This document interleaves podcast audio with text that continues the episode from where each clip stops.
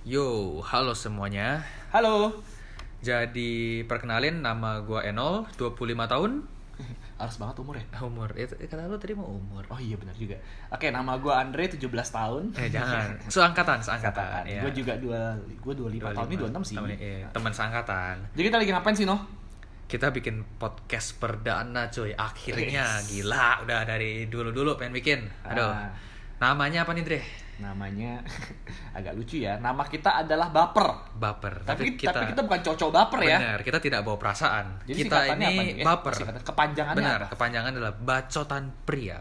Jeng jeng jeng jeng. Ada lagunya kalau saya. Ada- Jeng jeng ya, jeng nanti jeng. nanti lagu kita lulus. Iya, bacotan pria tapi tenang aja kita di sini nggak cuma ngomong yang Mm-mm. ngasal ngaco-ngaco, tapi kita di sini sharing ya, Dre ya. Sharing ya. Intinya ngobrol-ngobrol sih ya. Ngobrol, ya. Kita eh, keluarin lah thoughts kita tentang isu terkini, di relate ke pengalaman Hmm. Ya. sama yang kita tahu ya. Terus kita ngomonginnya bukan yang enggak-enggak, yang cowok-cowok gitu enggak. Tapi kita lebih ya pokoknya kita sharing. Kita karena kita berdua juga pria tulen, betul tidak? Dan tambahan kita juga pingin ngobrol ya tentang pengalaman kita Ya, gitu-gitu ya. Betul betul. Pokoknya ngomongin yang kekinian deh. Amin. Ya. Biar kalian tuh waktu macet, lagi gabut, nah itu nggak bosen tuh dengerin Amin. kita aja ngobrol. Mm-mm. Kita mau perkenalan kerja di mana atau enggak? Gak usah Aduh, ya. jangan. Jangan Kelamaan, ya. kelamaan. Atau yang kepo boleh DM gue langsung. Eh, jangan. Nan- Nanti nanti kita bisa sebut nama Instagram kita di tengah-tengah. Nanti Nah. kita nge-flow aja. Ngeflow ya. Sip. Soalnya ngomong-ngomongin tadi, Hah? kita nih akhirnya setuju nih sama gua sama Andre setuju. Topik Topiknya pertama nih, kita berhubungan dengan yang kekinian banget. Apa tuh? Instagram. Instagram. Hmm, Instagram. Instagram. Yoi. Jadi Kenapa ya, ada Instagram? Instagram itu ya gimana itu sudah lifestyle sudah hidup kita semua sekarang tidak bisa dipisahkan tidak bisa diri campur eh, gimana tidak pokoknya tidak tidak bisa tidak bisa Iya. hidup tanpa Instagram Intinya semua orang ya udah pasti ya nggak semua nggak semua orang nggak ya. semua sih Tapi menurut gua hampir sebagian besar Nah. masyarakat Indonesia Nah, eh, seluruh Itu dunia Eh, punya- anak-anak zaman now lah ya anak zaman now tuh pasti punya Instagram Betul. gitu ya. Dan apa-apa ya semua bisa direlate uh, kehidupan sehari-harinya dengan Instagram. Dengan Instagram, Makan, jalan-jalan. bobo juga bisa dikasih tidur. tahu baru bangun Tidur bisa foto Instagram kayak gimana? bisa tidur dulu gue juga gak ngerti terus Ya, alisnya ya. udah pada on point tuh cewek-cewek bingung juga oke oke kita ngomongin ini deh efek Instagram ya berarti ya Oh iya, efek Oke, Instagram kita mau ya. ngomongin tuh sebenarnya tentang eh, dua sisi dari Instagram lah ya pro dan cons. pro and cons betul dari apa aja Dre ada tiga nih kita Kalau mau menurut ngomongin ya kalau menurut kit- menurut gua dan Eno ada tiga efek Instagram yang menurut kita yang paling apa ya, yang paling eh, berdampak berdampak benar, ya, berdampak berdampak untuk untuk apa betul ya? untuk seharian lah untuk kita Untuk kita sekarang kehidupan sekarang ya. betul jadi yang pertama dia ngefek di Bisnis. bisnis Kedua, kedua, pariwisata atau travel. betul Ketiga, social class Wah, ini seru banget nih ketiga kita nih. kita bedah satu-satu gimana? kita bedah satu-satu siap Oke, jadi pertama apa tadi? Dari bisnis. bisnis oke. Gimana kalau menurut lu? Jadi kalau bisnis ya mungkin gue bakal sedikit lebih banyak ngomong karena kerjaan gue itu memang setiap hari juga harus ngurusin Instagram. Wih, Capek it's- sih, bener deh capek banget. Capek ya. Kalau yang butuh jasa fotografer, Ah, ini aduh orangnya- jangan promosi dulu nanti nanti. Eh, jadi buat bisnis ya, buat buat gue sih menurut menurut gue dan teman-teman sekantor gue, ya of course semua bisnis sekarang butuh Instagram. Ya. Karena untuk promosi kan gampang banget ya sekarang ya Dre ya. Lu nyari even kadang-kadang lu udah nggak Google cuy sekarang. Lu cari search Instagramnya apa, fotonya kayak gimana, lu lihat fitnya bagus apa enggak, videonya bagus apa enggak, instastorynya gimana, ya kayak gitu deh. Dan menurut gua yang namanya bisnis di Instagram itu udah jadi suatu keharusan sekarang, apalagi kalau Ya. lu buka online shop atau lu bisnis bisnis baru, bener nggak Dre? Ya. lu makanan, lu foto biar orang pada ngiler gitu kan. Lu buka jasa bisnis apa gitu jual oli, jual ban, nah, lu foto cara orang isi oli biar keren ya kan. Hmm.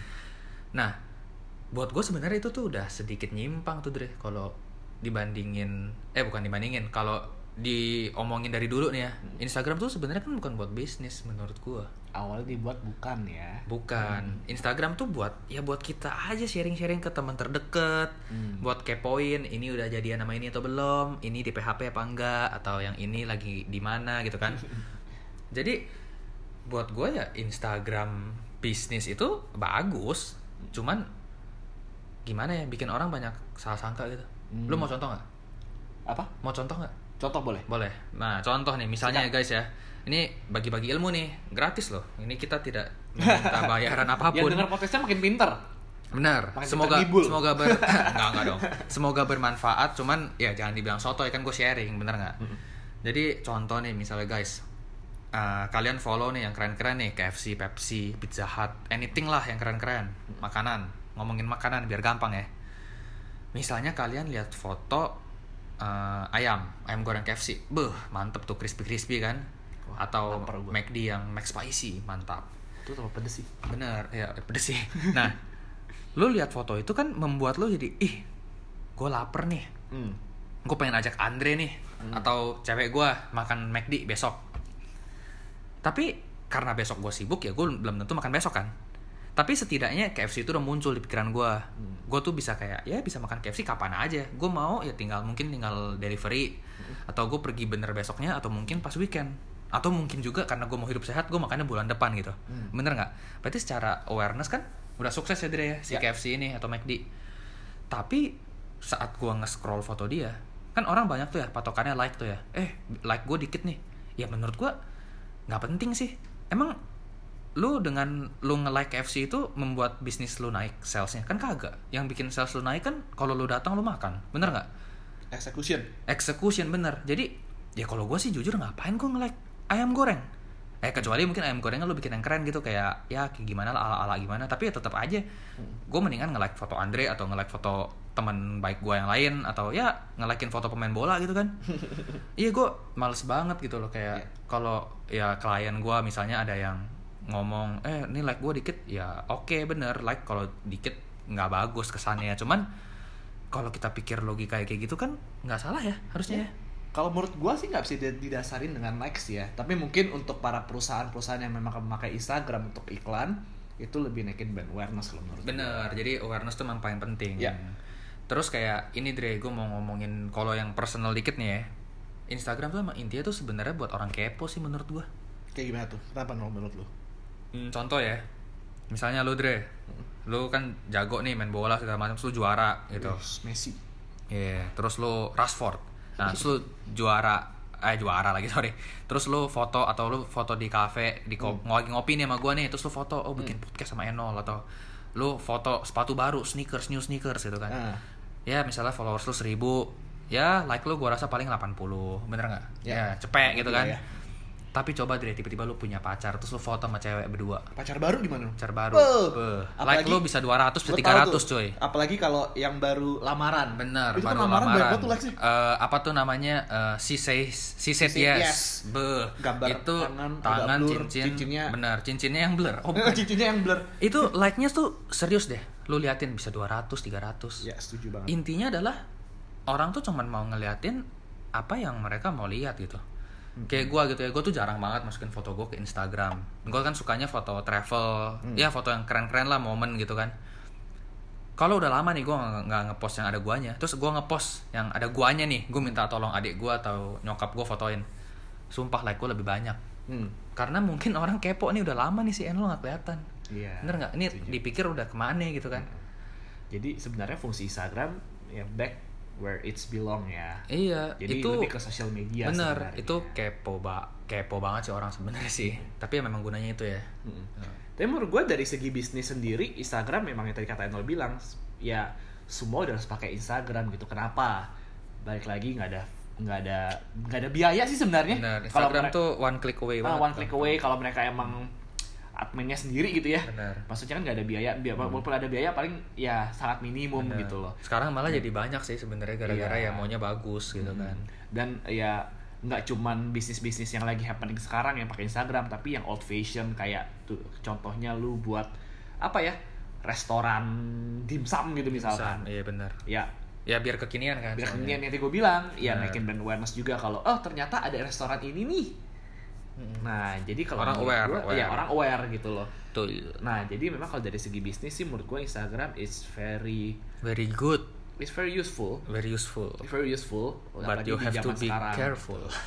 Ya but you have to be careful juga and karena be wise. Ya be wise benar. Benar. Lo endorse endorse terus juga. Ah, itu nantilah di social class ya. Udah selesai kita ngomongin selebgram dan endorse. influencer. Tapi intinya ya memang penting dengan menggunakan Instagram dan untuk untuk bisnis gitu tuh ya nah terus yang kedua nih Dre pariwisata ya Betul, Wah. pariwisata. Ini seru banget nih, seru banget pariwisata kalau pariwisata ini sebenarnya gue sama Enol tuh ada menemukan satu Sebuah- artikel ya kalau di Instagram ngomongnya Twitter. eh kok Instagram di Twitter. Kita Twitter. ngomongnya thread apa thread sih dia ngomong? Thread sih. Thread ya, thread. kalau tweet itu ancaman Thread. Oh, iya, sorry sorry. Kita ngomong thread, thread. kita nggak mengancam orang sih Kita ngomongin thread di mana si orang ini Hmm. Namanya mau disebutin nggak dia? Boleh. Jadi gua sama Enol ini salah satu dari segelintir orang yang masih main Twitter. Jadi yang belum yang belum dan sudah tidak main Twitter, Iya. kembalilah ke Twitter. Karena Kenapa? Twitter tuh lebih menyenangkan loh daripada Instagram, Iya, guys. sebenarnya lebih menyenangkan sih. Nah, mau nyombong tuh dikiranya malah eh, bercanda. Bercanda, bener. Betul kan? Pas Bener, bener. serius dikira bercanda juga. Sebenarnya agak susah, Kadang-kadang gue tuh menemukan berita yang terkini banget nih Bener. dari Twitter loh. Betul. Kita pagi-pagi udah nggak baca koran lah ya. Terus jarang juga baca yang aneh-aneh, baca Twitter. ya senang juga sih lihat orang-orang ribut juga seru Iya, sih. seru.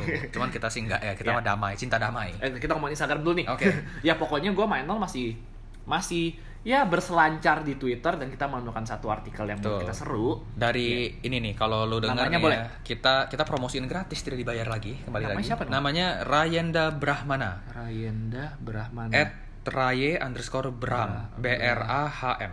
Oke? Baca gimana sih? Bram. Raye Bram. Ini Nah, untuk lu betul. bro, gue gak tau manggil lu apa, Hmm. bro ya. Eh, Kalau lu denger bro. podcast kita, ini iklan gratis nih untuk Iklan tweet lu gratis. nih. Betul, betul. Jadi dia itu bikin tweet Nah, kayak gimana tuh? yang di mana dia bilang Instagram merusak lingkungan apa gimana ya bentar bentar kita cek dulu biar tidak salah oke Instagram. Sebentar. Eh, di Rayenda Brahmana. Apa apa yang namanya tadi ya? Oh.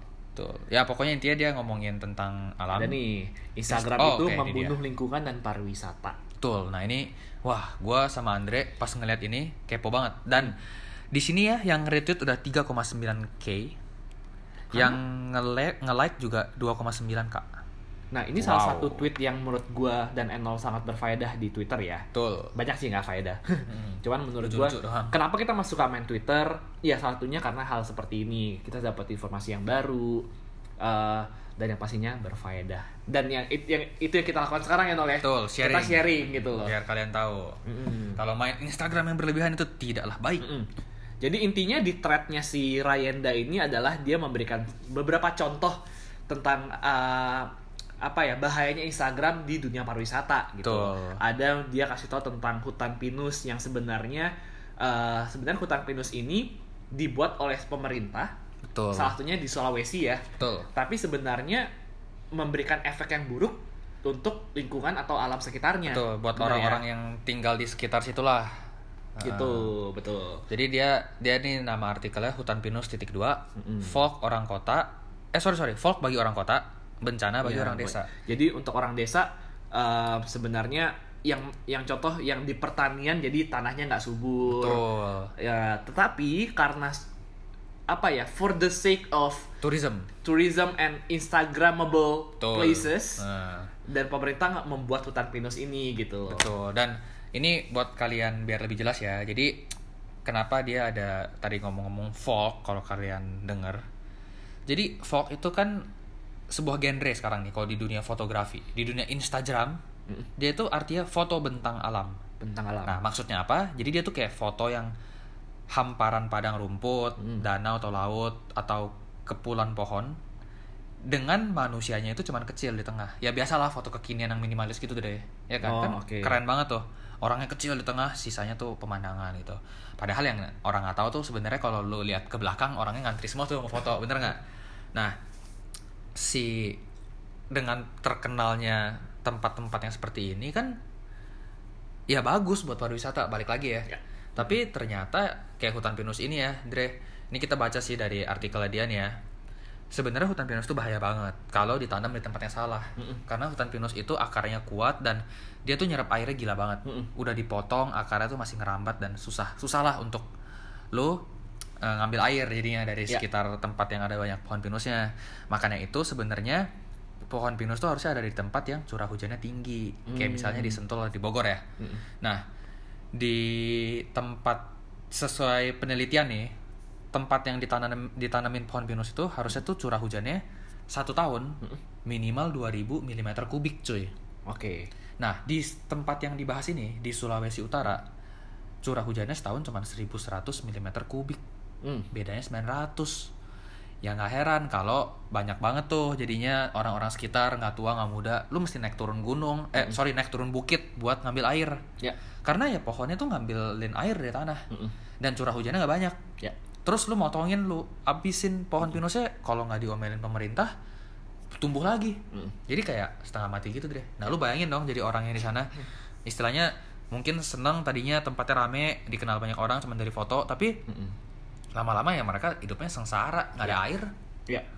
Jadi memang intinya untuk ya demi tempat yang happening banget untuk Bener. foto-foto, untuk yang apa, apa tempat yang Instagramable Iya. tapi tidak mem- mem- memperdulikan Tanpa sadar kita tuh nyusahin orang. nyusahin orang Bener. gitu.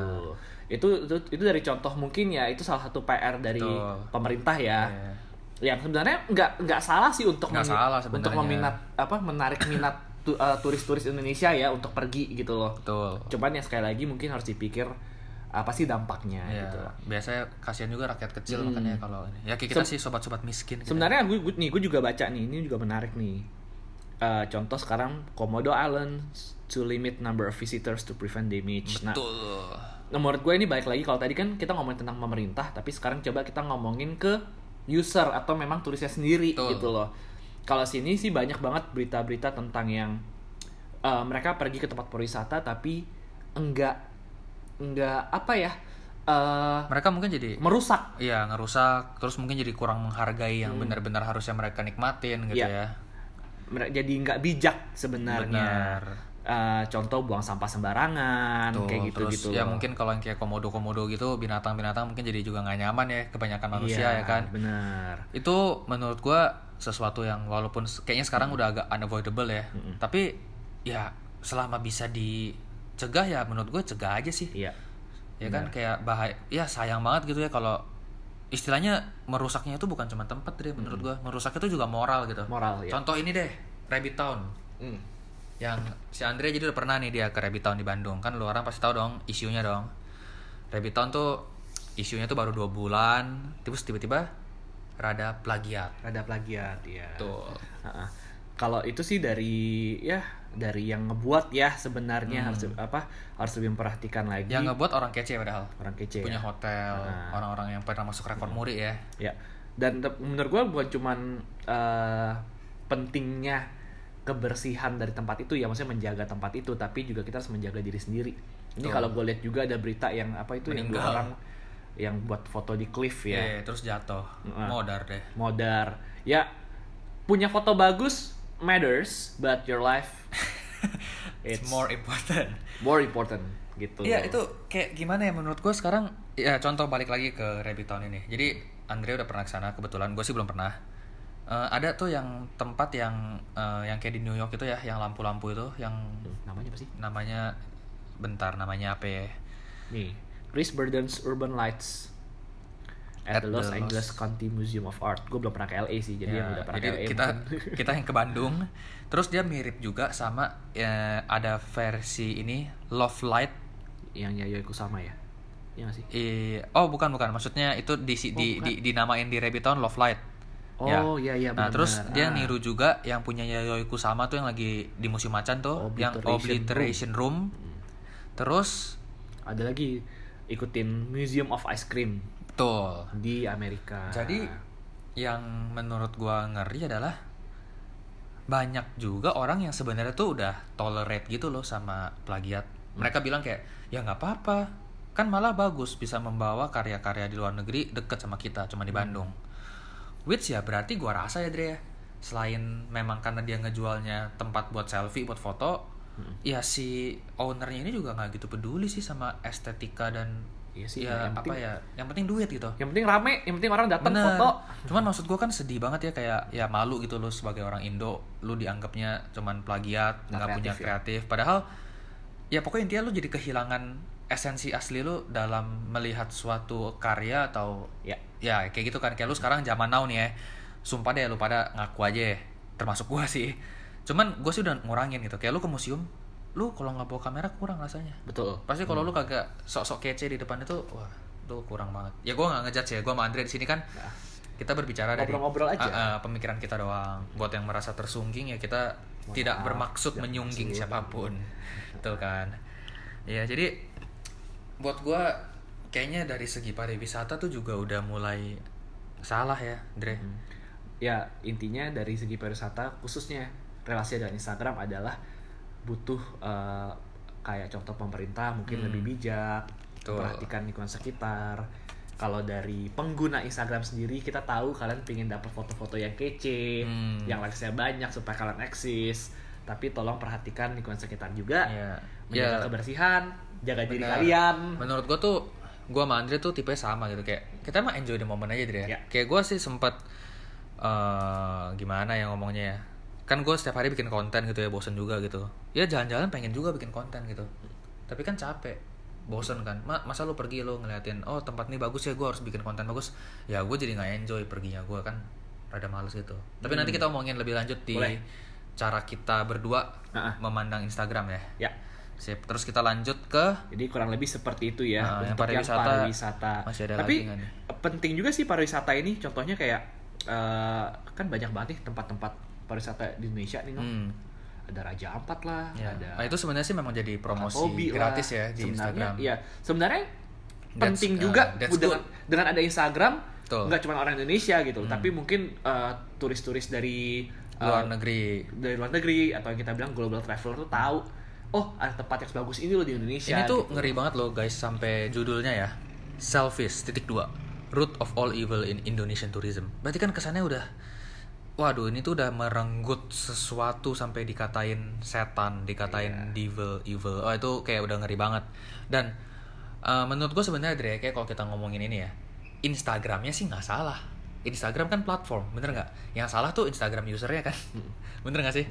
Jadi kayak kita tuh kadang-kadang memang namanya mungkin udah asik ya, lupa diri gitu.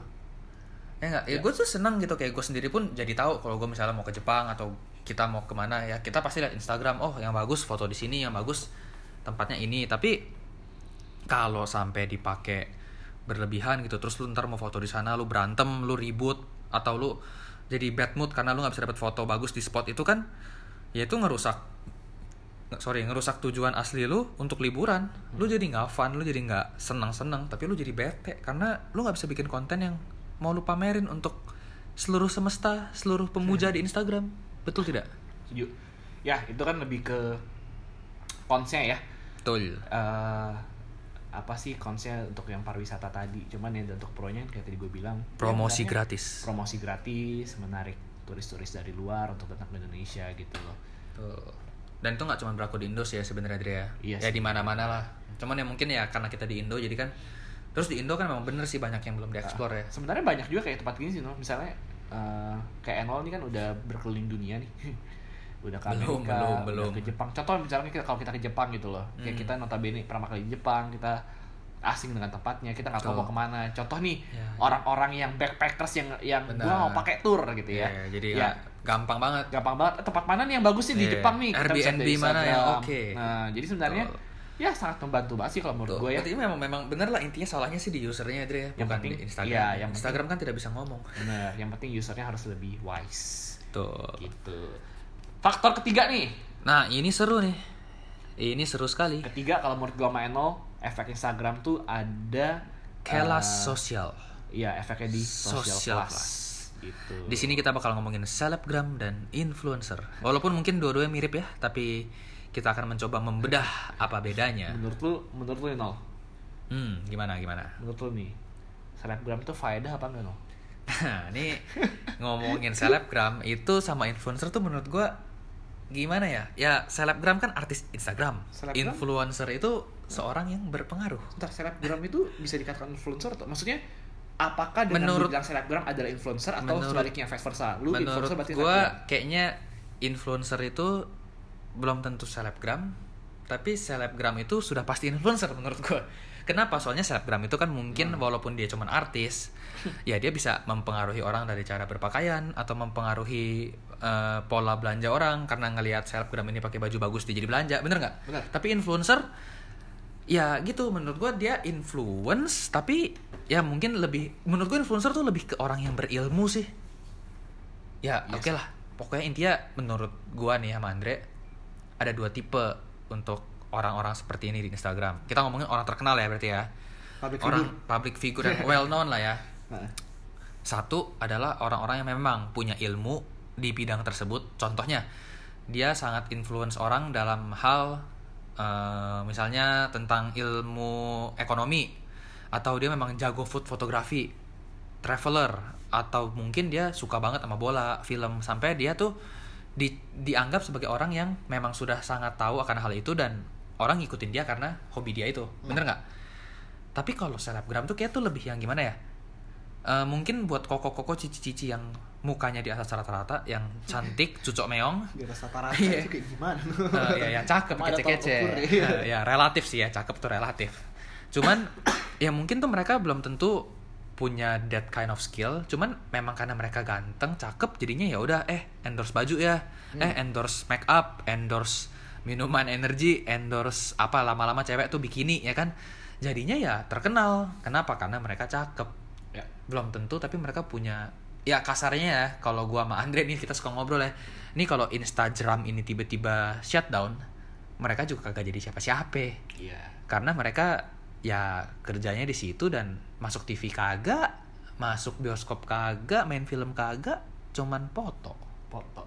bener nggak Terkenal di dunia maya ya. betul dan selebgram selebgram ini menurut gue juga nggak semua real sih kayak gue kan ya ada bersinggungan lah ya sedikit sedikit sama mereka kadang-kadang udah bayar mahal-mahal kagak ngaruh juga Tapi lu pernah denger gak sih no? Ada selebgram yang Gue sih, gue sih gak tahu ya Terkenal apa enggak ya Karena gue juga ini? gak follow orangnya gitu Nah. Cuman gue denger berita ada satu orang selebgram Followersnya ya 30k, 40k Enggak, kalau nggak salah ya Tapi udah ada meet and greet Wih di ya Gila nggak sih? gue buat selebgram atau influencer tuh ya harusnya tuh udah di atas 5000 atau belakangnya kak kak kak itulah ya Ya menurut gue sih kalau lu bilang Wah gue influencer nih ya minimal ya Ada Ya, kaknya Kak. lah Kalau Tapi masih itu si yang 4.000, kita 5.000 sih belum. yang, yang bikin kita mau podcast tuh yang kita ngefans tuh yang bapak ibu itu curhat-curhat itu. ada podcast di Spotify ya Ya, itu followersnya tuh belum sampai kak kak tuh. Tapi menurut gua dia udah influencer deh. Oh iya sih Karena sense. ini ngomongin si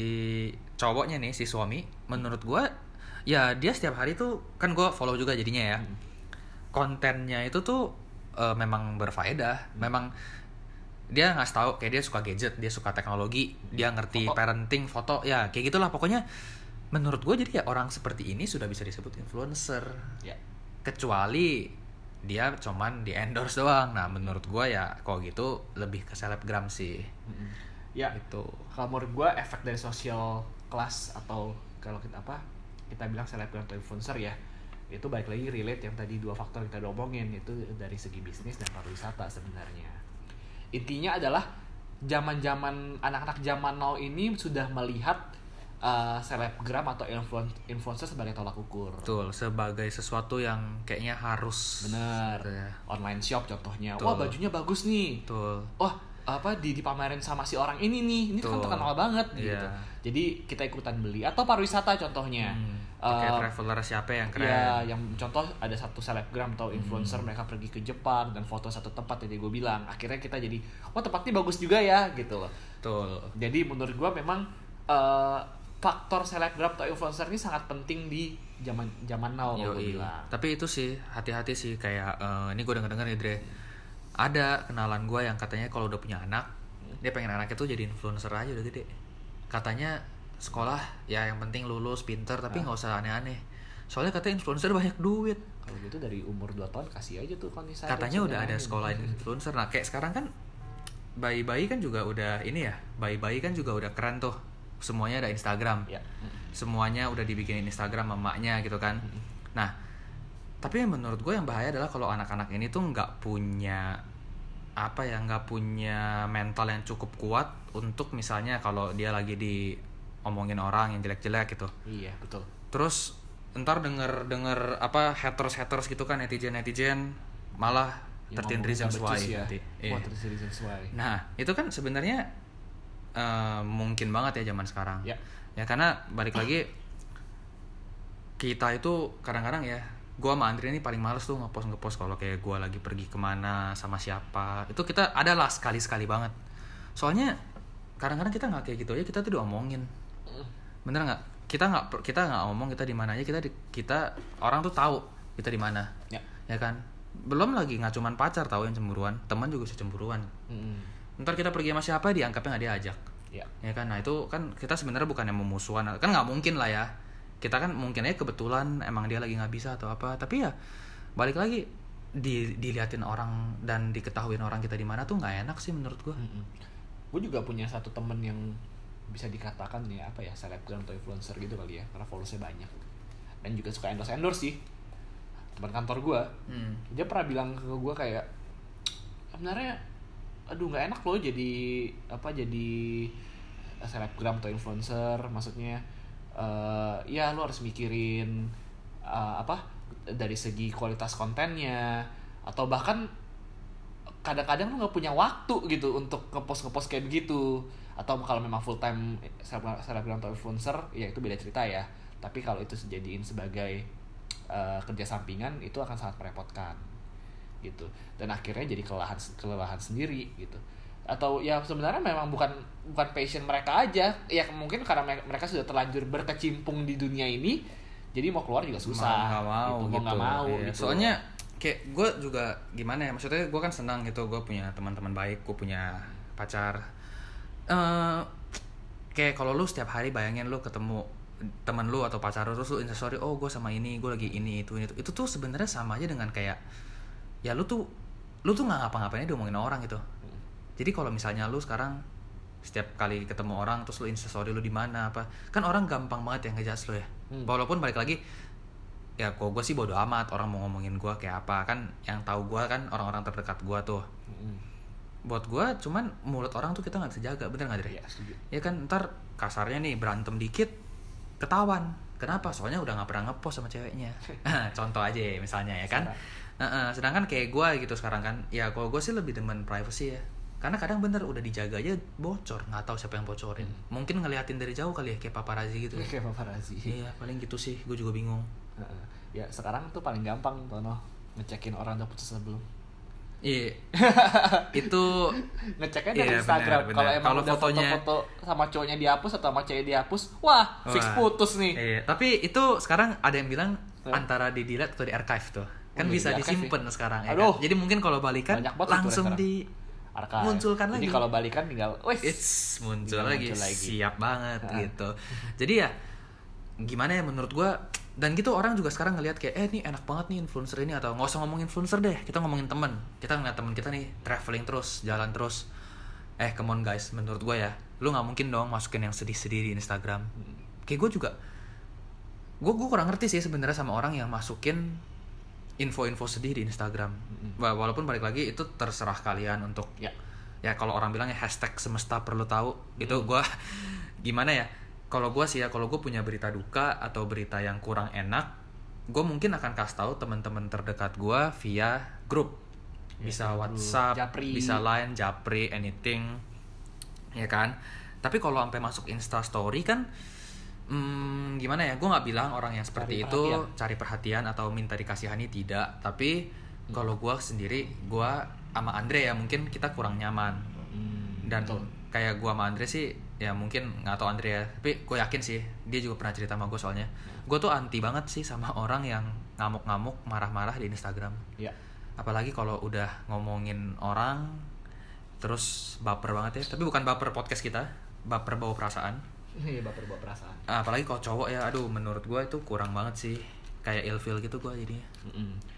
ya intinya menurut gue sosial media itu salah satu platform yang ya kita bisa berbagi informasi Iya. informasi yang faedah kadang-kadang kalau lihat uh, isinya Instagram tuh ya kayak tadi Anwar bilang ada yang curhat lah ada yang ngomongin cowoknya lah atau kalau lagi berantem ngo- ngoceh di Instagram Iya. lah ya kayaknya nggak perlu banget gitu ya menurut gue ya sejujurnya gue juga gak perlu tahu gitu Iya, loh. ya sebenarnya kita emang dikasih tahu kasih taunya senang ya nggak? Kayak kita ngelihat gitu sebenarnya ya info-info aja. ya Tapi males gitu.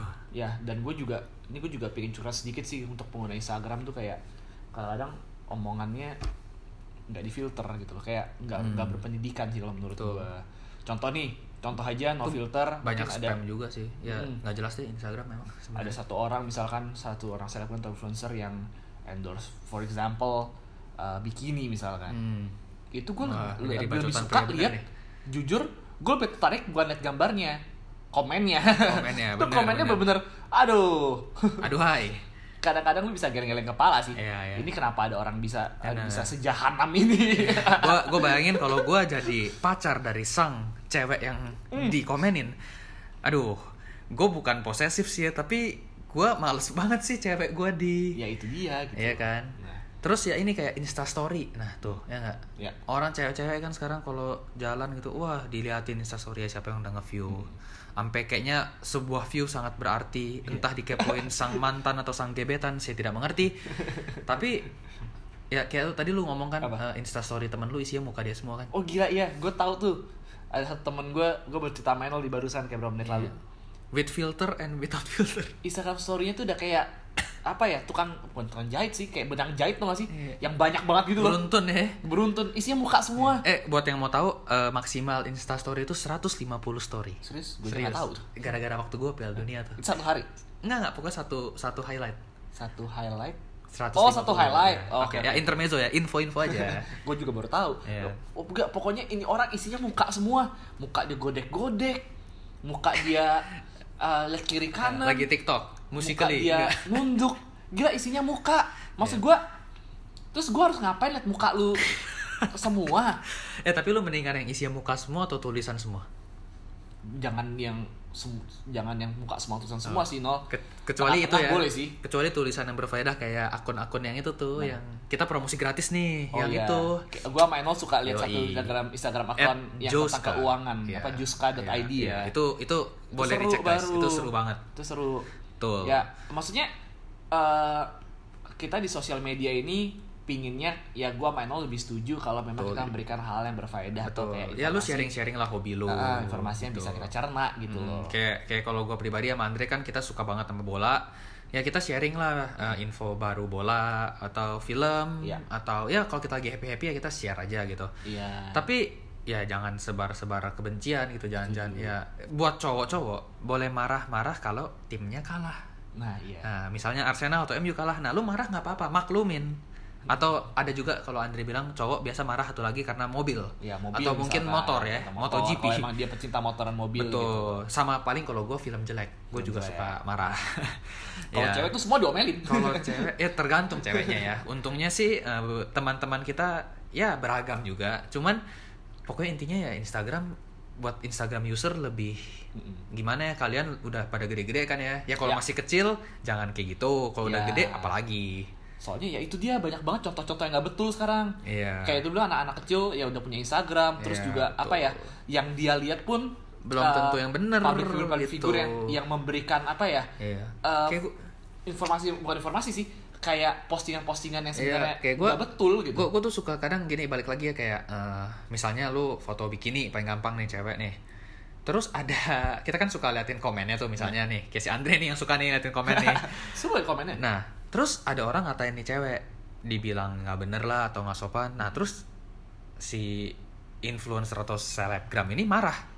Dibilangnya ya pikiran lu jorok. Tapi menurut gue kan yang ngundang lu. Iya, bisa jadi. Maksud gua kalau lu nggak mau dikatain juga. orang sebenarnya ya lu tinggal nggak usah foto kayak gitu. Cuman balik lagi kan itu keputusan masing-masing ya. Memang Ya. kita tidak bisa ngatur. Jadi menurut gua harusnya sih ya lu nggak usah marah aja. Lu biasa aja atau seenggaknya lu nggak usah memperbesar masalah itu. ya Ya kan jangan lu bilang otak orang itu jorok ya menurut gua Ah, orang siapa pun kalau ngeliat foto kayak gitu mah ya pasti mikirnya ke sana. direspon untuk kayak apa ya komen-komen yang gak bermutu Ya, ini mulai bener bacotan pria ya. Bacotan Iya, pria tapi ya nggak itu contoh doang gitu loh guys ya. Hmm. Jadi konten Instagram orang masing-masing ya terserah kalian, tangan tangan kalian, kalian juga punya akun dan balik lagi gue sama Andre tidak ngejudge, tidak menyungging siapa siapa pun. Kita cuman ya kita ada di pikiran kita nih kita lagi mau ngomongin Instagram kita ngomongin efeknya kebetulan kemarin baca Twitter terus ya udah kita istilahnya ya udah kita bikin tiga segmen bisnis pariwisata kelas sosial ya kita ngomongin Ya. ya kan toh siapa tahu omongan kita bisa nemenin kalian waktu macet gabut ya kan Intermezzo dikit boleh nggak? boleh Gua lihat di YouTube baru-baru ini tentang eh, apa ya?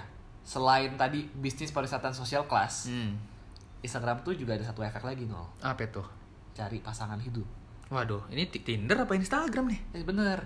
Jadi katanya eh, penting banget tuh kalau lu punya konten Instagram yang bagus. Karena emang sekarang kayak tadi kita bilang nge-stalk orang misalkan. Betul. iya foto kan? menjual foto menjual gitu loh. Jadi penting banget lu punya konten Ba- Instagram banyak yang bagus. istilah-istilah baru kayak Instagram ya yang Apa, kayak apa? kamera makan duluan Oh, kamera terus makan tadi duluan. apa bahasa lu apa?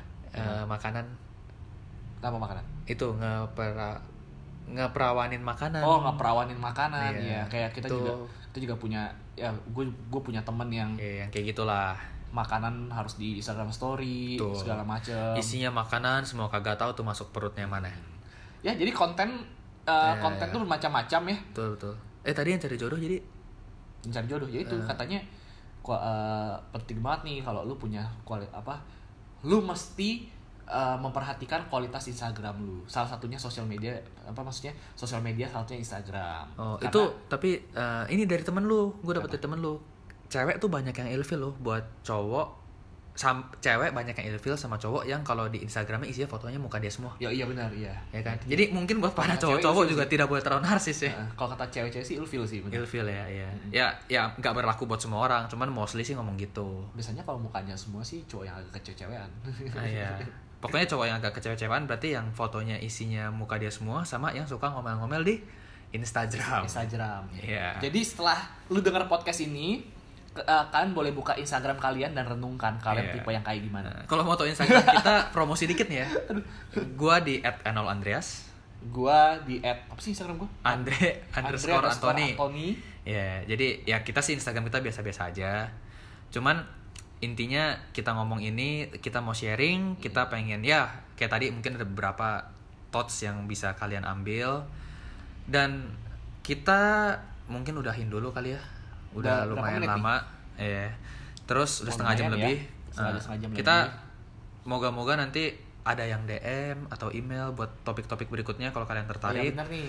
Ya, Kalau jadi emang ada apa pingin kita ngomongin Sesuatu- topik ini iya, dong, topik lain. boleh di email nanti kita kasih email kita ya. Betul. Bisa taruh di Spotify Atau sih. DM aja di ya? Instagram kita DM juga bisa. Oh DM juga boleh, pokoknya Iya. at @andreas at andre underscore Anthony. Iya, nah kita ini moga-moga ya Dre ya seminggu sekali atau paling lama dua minggu sekali dua kali lah ya Ya kita, komitmen sih seminggu sekali ya. Iya, kita akan coba untuk setiap terus. podcast. Jadi kalau kita Betul. lagi males mungkin bisa di DM atau di email. Moga-moga ada. Tapi kita di sini bukan untuk viewers ya. Kita cuma memang mau sharing aja sih ya. Ya, sharing-sharing kita mau sharing aja. siapa tahu bisa membantu. Dan sama untuk topik berikutnya sih kita bakal coba ngomongin Kalau ini emang- kali ya. Apa itu eh, mungkin perbedaan orang yang kuliah di luar negeri dan dalam negeri Wah, seru juga, sih. ya. Jadi ya soalnya kebetulan gua sama Andre kita Ya. lulusan Malaysia. Benar. Ya nggak jauh-jauh banget. Kita temen dari dulu. Mm-mm. Tuh. Ya jadi mungkin ya kalau yang masih kuliah ya gitu ya. Iya, mungkin Atau bisa. yang baru mau kuliah. Iya, ya, jadi kan banyak tuh yang baru mau kuliah terus pas kerja kaget dengan perbedaan yang waktu sekolah di luar sama orang-orang di Indo. Nah. Karena kita sendiri ngerasain ya perbedaan. Mungkin bukan dari ilmu atau dari skill tapi lebih ke pola pikir sama sudut Iya sih, pandang ya. sudut pandang. Iya, kayak Ya. ngelihat sesuatu tuh kayaknya beda deh kalau orang yang tinggal di luar negeri tuh cara mikirnya tuh bisa beda sama orang yang Benar, benar kasarnya walaupun di sini sekolah MPS 2, S3, S lilin juga beda gitu. Iya. Ya untuk para orang tua murid nih, om tante, Kalau emang tiba-tiba wah dengerin podcast atau parent nih, atau yang mau jadi parents yang sebentar lagi Nah. masih jauh banget ya. yang ketemu podcast kita gitu ya. Jadi ya kita nah, mungkin next topik kita akan ngomongin tentang perbedaan uh, Orang, mahasiswa ya, atau mahasiswi yang ya, kuliah, kuliah di, di luar dan dalam Indonesia negeri. dan di dalam Indonesia Betul. gitu ya. Ya, jadi kita sudah ketemu nih Dre, topik berikutnya. Moga-moga soon kita bakal langsung nge-podcastin dan ya udah paling gitu aja ya. Oke. Kalau Sip. gitu Kita, Kita cabut dulu. cabut dulu. see you di next podcast dari Baper Bacotan See you di next podcast dari Baper betul. Oke, bye bye. Salam baper. Salam baper, bye bye. Bye. Oke guys, jadi balik lagi sama gue Enol. Dan seperti yang gue bilang tadi, kita bakal ngomongin Asian Games 2018 Wah, gue bener-bener gak nyangka. Gue bangga banget, gue seneng banget, gue happy banget Kalau ternyata Indonesia itu bisa jadi tuan rumah yang begitu hebat dan sukses.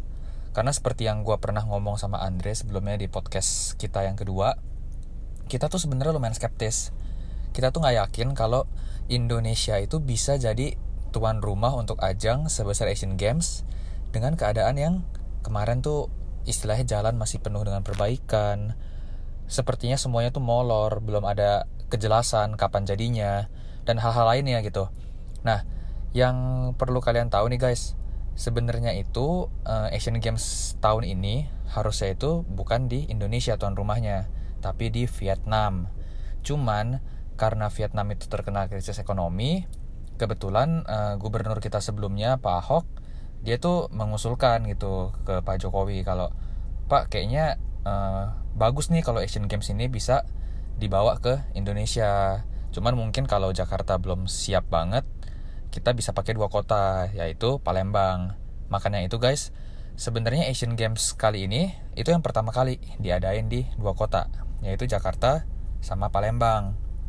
Nah, dan gue mau say thanks sih sebenarnya untuk uh, semua panitia yang terlibat, untuk Pak Jokowi, Pak Anies, Pak Ahok, pokoknya untuk semuanya deh, buat para volunteer, buat wah orang-orang yang kita juga nggak tahu dia tuh ada, seperti unsung hero ya kalau kita bilang, buat para kameramen, buat para yang ngurusin tiket, buat uh, security, buat semuanya deh yang udah meramaikan Asian Games ini, gue sih salut banget sama kalian, kalian keren, dan kita happy banget sih secara Indonesia juga nggak cuman secara uh, tempat berhasil menjadi seorang tuan rumah yang baik, tapi dari sisi prestasi ternyata kita bener-bener di luar ekspektasi ya.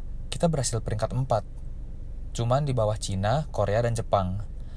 Dan kita hanya menargetkan kayak sekitar kayaknya cuman dikit ya medali emas, tapi ternyata uh, sampai akhir pagelaran uh, Asian Games Ternyata Indonesia itu berhasil menyumbang 31 emas, 24 perak, dan 43 perunggu.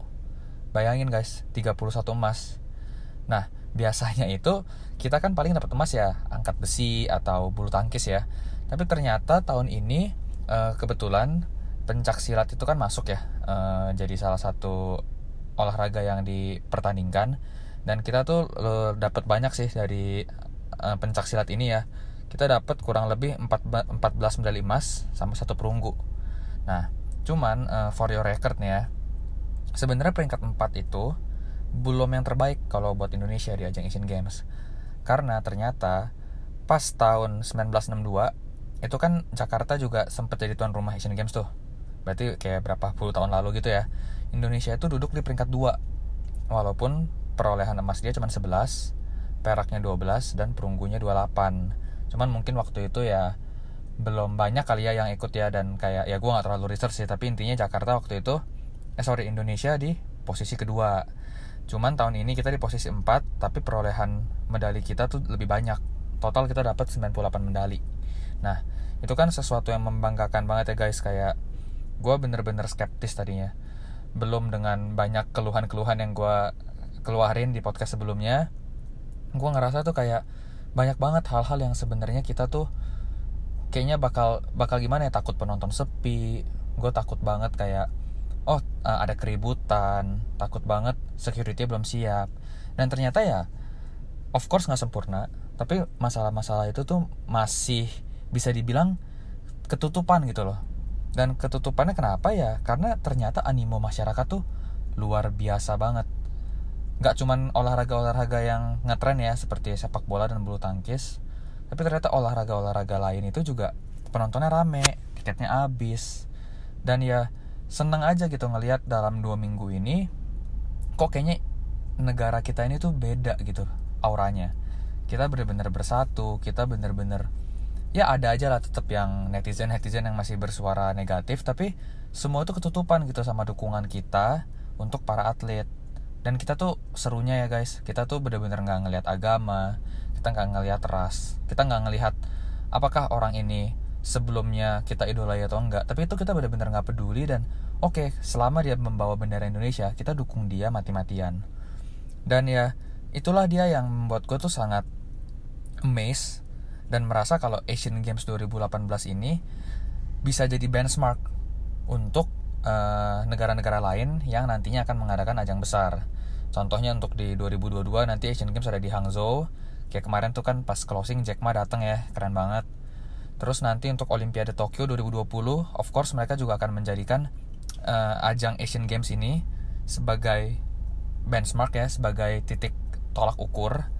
Di mana ya menurut gue sih Jepang bakal lebih keren karena mereka mungkin secara infrastruktur bakal lebih siap tapi gua rasa kita sih nggak perlu malu ya kalau kalah dari Jepang. Kenapa? Karena menurut gua kita ini awalnya pun sebenarnya tidak terpilih gitu loh. Tapi kita melihat Vietnam uh, ya Pak Ahok ya Pak Ahok melihat Vietnam terkena krisis akhirnya mereka mundur dan berinisiatif untuk maju mencalonkan diri.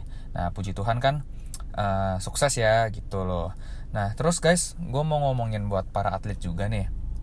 Gue mau thank you banget nih buat para atlet-atlet ya. Mungkin kalau dari beberapa dari kalian yang tahu, kayak kemarin uh, dari sektor bulu tangkis, Jojo sama Ginting tuh bener-bener, wah kayak seluruh kaum hawa begitu bernafsu dan bergairah untuk nonton, untuk dukung mereka gitu. Dan uh, tim bulu tangkis berhasil memberikan perak di uh, yang beregu Lalu Jojo memberikan medali emas di sektor tunggal putra plus Ginting dapat medali perunggu. Nah, ini kan uh, menjadi salah satu ini ya uh, trending topik terus tuh. Nah, tapi nggak cuma itu guys. Ternyata kayak beberapa olahraga yang tadinya nggak gitu kelihatan kayak pencak silat gitu ya. Kan pencak silat tuh sebenarnya kan belum officially masuk ke komite atau ya pokoknya cabur yang di olahraga ditandingin tuh tadi belum tuh pencak silat cuman setelah diusahain sama uh, pengurus-pengurusnya terutama salah satunya Pak Prabowo pencak silat tuh akhirnya dipertandingkan. Dan Indonesia itu menjadi salah satu negara yang paling sukses untuk uh, di Asian Games kali ini dari sisi olahraga pencak silat nah bonus-bonus yang dikeluarin sama uh, pemerintah itu kan banyak banget guys. Kayak buat yang perorangan dapat emas satu setengah miliar perak dapat 750 atau 500 juta gue kurang kurang tahu ya. Perunggu dapat ya kurang lebih juga segitu 250 juta kalau nggak salah. Nah ternyata dulu kan kita mikir kayak oh ya udahlah oke okay, pemerintah bakal ngasih mereka bonus. Tapi ya paling nanti aja. Paling ah eh, berapa bulan lagi gitu. Ternyata guys mereka langsung cair gitu. Dan si Jokowi bener-bener uh, dia ngasih langsung ke rekening pribadi dari atlet-atlet tersebut. Dan itu menurut gue luar biasa banget sih. Kayak buktinya tuh itu tuh bukti gitu loh. Kalau kita itu serius dalam memberikan apresiasi kepada para atlet yang berprestasi. Nah itu kan hal yang sangat bagus ya. Terus belum lagi dengan uh, kayak kemarin tuh ada banyak apa banyak trending topik juga ngomongin saat Prabowo sama Jokowi pelukan berkat satu atlet yang namanya Hanifan Yudani. Dia tuh atlet pencak silat. Dia dapat medali emas. Dan Pak Jokowi sebagai presiden dia datang untuk uh, mengapresiasi lah dia nonton. Lalu Pak Prabowo yang kebetulan dia juga uh, ketua dari IPSI Ikatan Pencak Silat Indonesia. Dia datang mereka duduk e, berdua se bersebelahan. Dan pas si atlet ini nih pas dia datang si Hanifan Yudani abis salaman sama Jokowi e, sama Prabowo dia tuh kayak merangkul dua-duanya dan mereka berpelukan bertiga. Kayak teletabis gitu. Tapi wah itu momen yang menurut gue harus dipertahankan sih. Kayak kita nih janganlah guys kayak ya pro ini terus jadi benci sama yang satu lagi atau vice versa gitu. Menurut gue dua minggu ini tuh Indonesia indah banget. Indonesia itu benar-benar menunjukkan kalau mereka itu sebenarnya tuh indah. Mereka tuh satu suara bineka tunggal ika itu tuh benar-benar kelihatan. Dan itulah yang gue mau ngomongin berikutnya gitu. Kayak kemajuan sebuah negara kan bisa dilihat ya dari sisi olahraganya. Toh sebenarnya olahraga itu kan walaupun memang susah untuk di manage tapi kalau kita melihat the whole thing itu tuh bagian mikro gitu bagian yang sebenarnya kecil. Dan kalau sebuah negara aja nggak becus ngurusin olahraganya ya otomatis sebenarnya negara itu nggak bisa dibilang uh, bagus-bagus amat gitu. Itu menurut gue ya. Nah jadi ada yang bilang kan kayak aduh baper nih Asian Games kayaknya baru mulai terus sudah selesai. Ada juga yang kayak tadinya nggak nggak excited sama sekali terus malah pas udah mau closing nyesel. Ya aku belum nonton langsung sama sekali. Nah kalau gue kan kebetulan gue sendiri berhasil nonton dua kali nih. Dua-duanya uh, nonton timnas Indonesia sepak bola. Dan ya menurut gue itu beda gitu sih atmosfernya. Kayak sebagai orang yang udah beberapa kali gue nonton bola kemarin itu atmosfernya gila banget beda banget. Dan walaupun pas gue nonton Indonesia kalah lawan Uni Emirates Arab tapi tetap pendukung tuh nggak ada yang anarkis. Pendukung tuh semuanya tuh kayak udah lebih pinter-pinter. Dan ya udah kita bisa pulang dengan kepala tegak dengan happy nggak ada perasaan yang kayak nyesel atau mau menghakimi salah satu pihak enggak. Kita benar-benar nunjukin kalau kita ini udah cukup dewasa lah untuk menghadapi ya hasil-hasil yang wajar aja. Dalam olahraga kan menang sama kalah tuh biasa ya gitu. Dan setelah ngomongin semua hal yang bagus ini dari opening sampai closing itu bagus banget. Kita tuh sebenarnya nggak boleh stop sampai di sini guys.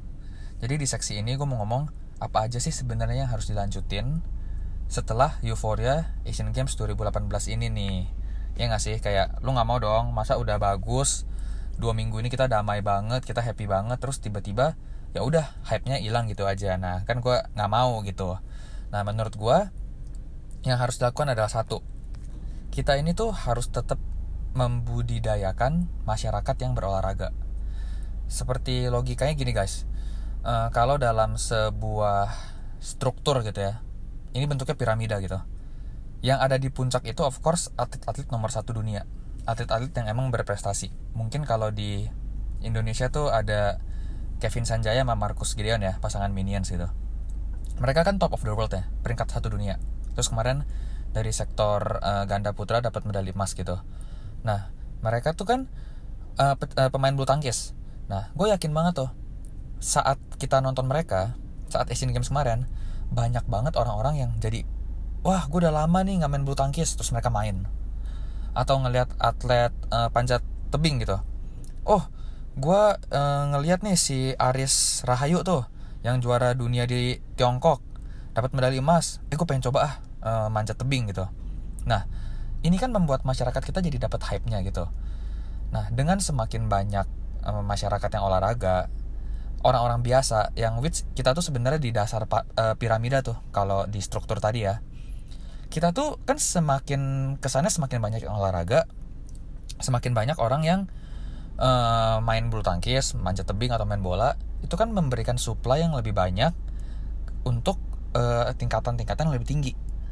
Jadi misalnya aja adik lu masih kecil terus nonton Minions atau Jojo bulu tangkis di olahraga terus eh ternyata lima tahun kemudian dia jadi atlet pelatnas. Atau e, beberapa tahun kemudian atlet e, adik kita jadi atlet sepak bola atau panahan gitu. Nah itu kan memberikan supply gitu untuk e, olahragawan nasional kita yang bisa berprestasi di kemudian hari di luar negeri di turnamen seperti Olimpiade atau Sea Games atau Asian Games gitu kan. Nah uh, itu yang satu. Jadi kita harus kayak tetap nih hype-nya tuh harus dijaga. Jadi kayak semua orang tetap mau lari di GBK tetap semua orang jadi semangat main bulu tangkis main bola. Nah itu kayak gitu. Terus yang kedua infrastruktur. Nah kita kan udah keluarin banyak banget nih duit untuk gedung untuk stadion baru untuk pem, e, benerin jalan gitu. Nah kita kan nggak mau dong setelah dua minggu ini ternyata oh ya udah infrastrukturnya jelek lagi gitu. Nah kita tuh kebiasaan gitu guys. Kayak eh, GBK nih ya renovasinya tuh kurang lebih 3,5 triliun. Bayangin 3,5 T. Nah tapi sebelum tahun ini direnovasi terakhir kali GBK direnovasi itu 58 tahun lalu. Yaitu waktu jadi tuan rumah Asian Games tahun 1962 jadi bayangin kalau nggak ada apa-apa nggak diapa-apain tuh GBK.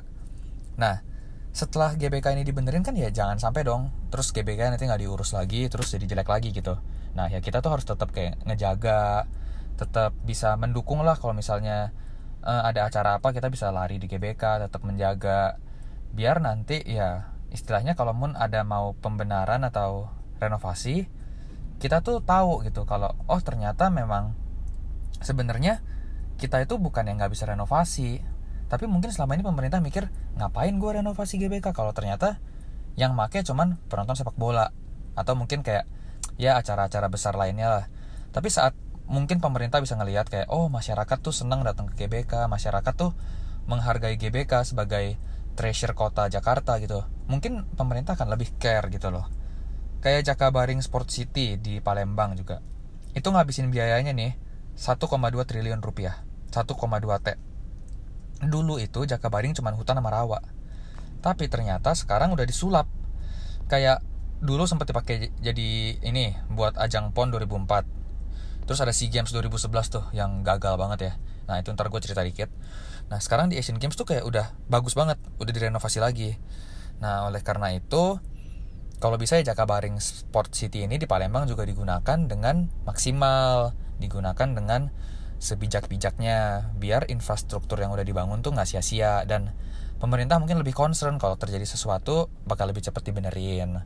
Begitupun dengan kendaraan umum, kita mungkin bisa jadi lebih memanfaatkan MRT atau busway atau ya yang lainnya lah yang bagus-bagus gitu. Nah, yang terakhir guys, kita ini harus terus uh, punya hype ini ya, biar induk-induk cabang olahraga tuh tetap keep going gitu. Kayak sekarang nih pencak silat kita tuh keren banget gitu. Itu ikatan pencak silat Indonesia IPS itu isinya tuh nggak cuma pendekar-pendekar sembarangan tapi mereka tuh kayak udah bener-bener kayak pelatihnya tuh ya gue lupa tuh salah satu siapa. Dia tuh udah dari dulu tuh emang udah S1 dari cabang olahraga gitu sekolahnya. Nah kayak PBSI yang mimpin Susi Susanti gitu. Ya siapa yang nggak tahu Susi Susanti gitu kan. Nah jadi menurut gue tuh kayak atlet yang baik tuh harus dibina tuh dalam lingkungan yang baik. Jadi kalau misalnya si induk cabang olahraga ini aja nggak bisa teratur dan nggak bisa punya struktur yang baik ya hasilnya akan akan jelek gitu.